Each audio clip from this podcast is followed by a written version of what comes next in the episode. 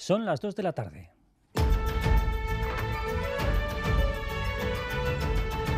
Crónica de Euskadi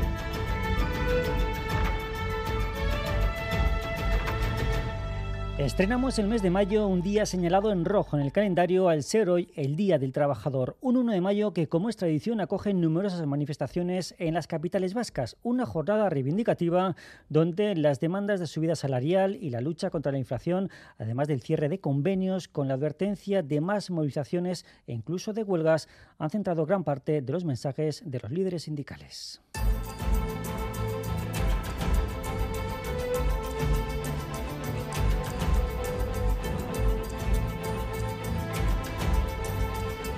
Bilbao ha acogido las principales movilizaciones sindicales. El secretario general de la Michel Acuncha ha advertido que la confrontación está siendo esencial para lograr avances en los convenios, Maider Martín. Defensa desde su lema Borrocan Irabasteco en lucha para ganar más pensiones, más salarios, mejores vidas. El secretario general de ELA, Michel Lacunza, sostenía que la huelga y la confrontación son herramientas fundamentales para conseguir los mejores convenios frente a la inacción de los gobiernos, el bloqueo patronal y con la inflación como telón de fondo. Esa opción de confrontar es la que trae buenos convenios. Y por eso decimos, ante, esa, ante la inacción política de nuestros gobiernos, ante el bloqueo de la patronal, la lucha sindical está siendo la vía más efectiva, la más efectiva para luchar contra el empobrecimiento en este país.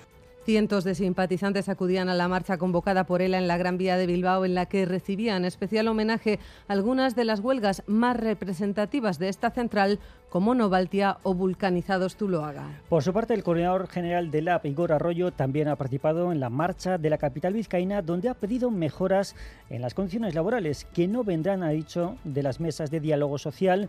Ve necesario además un cambio de modelo económico-social, Iñaki Larrayaga. El sindicato LAB llama a materializar los cambios en Euskal Herria porque no son posibles ni en Madrid ni en París. Al tiempo, se felicitan por la renovación de convenios en algunos sectores, pero piden ir más allá. Igor Arroyo. Las políticas públicas no se hacen a favor de la clase trabajadora. Es el lobby patronal el que maneja los resortes de poder detrás de los partidos neoliberales vascos. La clase trabajadora debe hacerse valer, debe articular, ejercer su poder. Vamos a aumentar la presión por el triple reparto, el reparto del empleo, de los cuidados y de la riqueza. La prioridad pasa ahora por avanzar en sectores feminizados, decía, ante una patronal machista.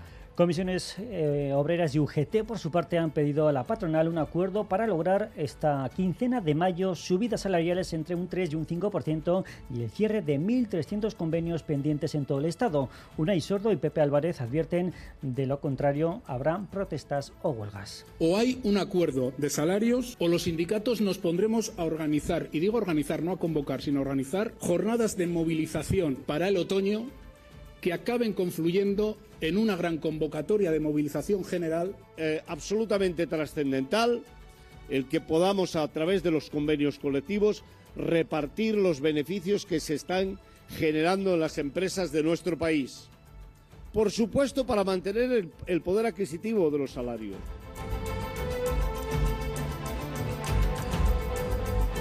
Y las protestas de este 1 de mayo se escuchan con fuerza también en el extranjero. Francia y el Reino Unido. París acoge a partir de esta hora las principales marchas que se esperan sean multitudinarias después de que el gobierno de Emmanuel Macron haya aprobado la nueva ley de las pensiones que obliga a jubilarse a partir de los 64 años. Tensión también en el Reino Unido, donde este 1 de mayo llega con una huelga de 28 horas convocada por los y las enfermeras, un paro que arrancaba ayer mismo por la tarde. Y más allá de esto, de este 1 de mayo, este lunes hemos conocido que el juez ha decretado prisión provisional para el autor del triple atropello de ayer en la localidad navarra de Cadreita, donde tres ciclistas resultaban heridos, uno de ellos muy grave. Y mientras en Álava están hoy de fiesta, se celebra el día de su patrona, la Virgen de Estíbaliz. Son muchos los que a lo largo del día se están acercando hasta el santuario, que desde hoy, por cierto, lo gestionan una orden religiosa que toma el relevo de los monjes benedictinos. Ya desde las 8 ya había ambientico por aquí, ya empezó a acercarse la gente y bueno, ya vemos alguna que otra cola.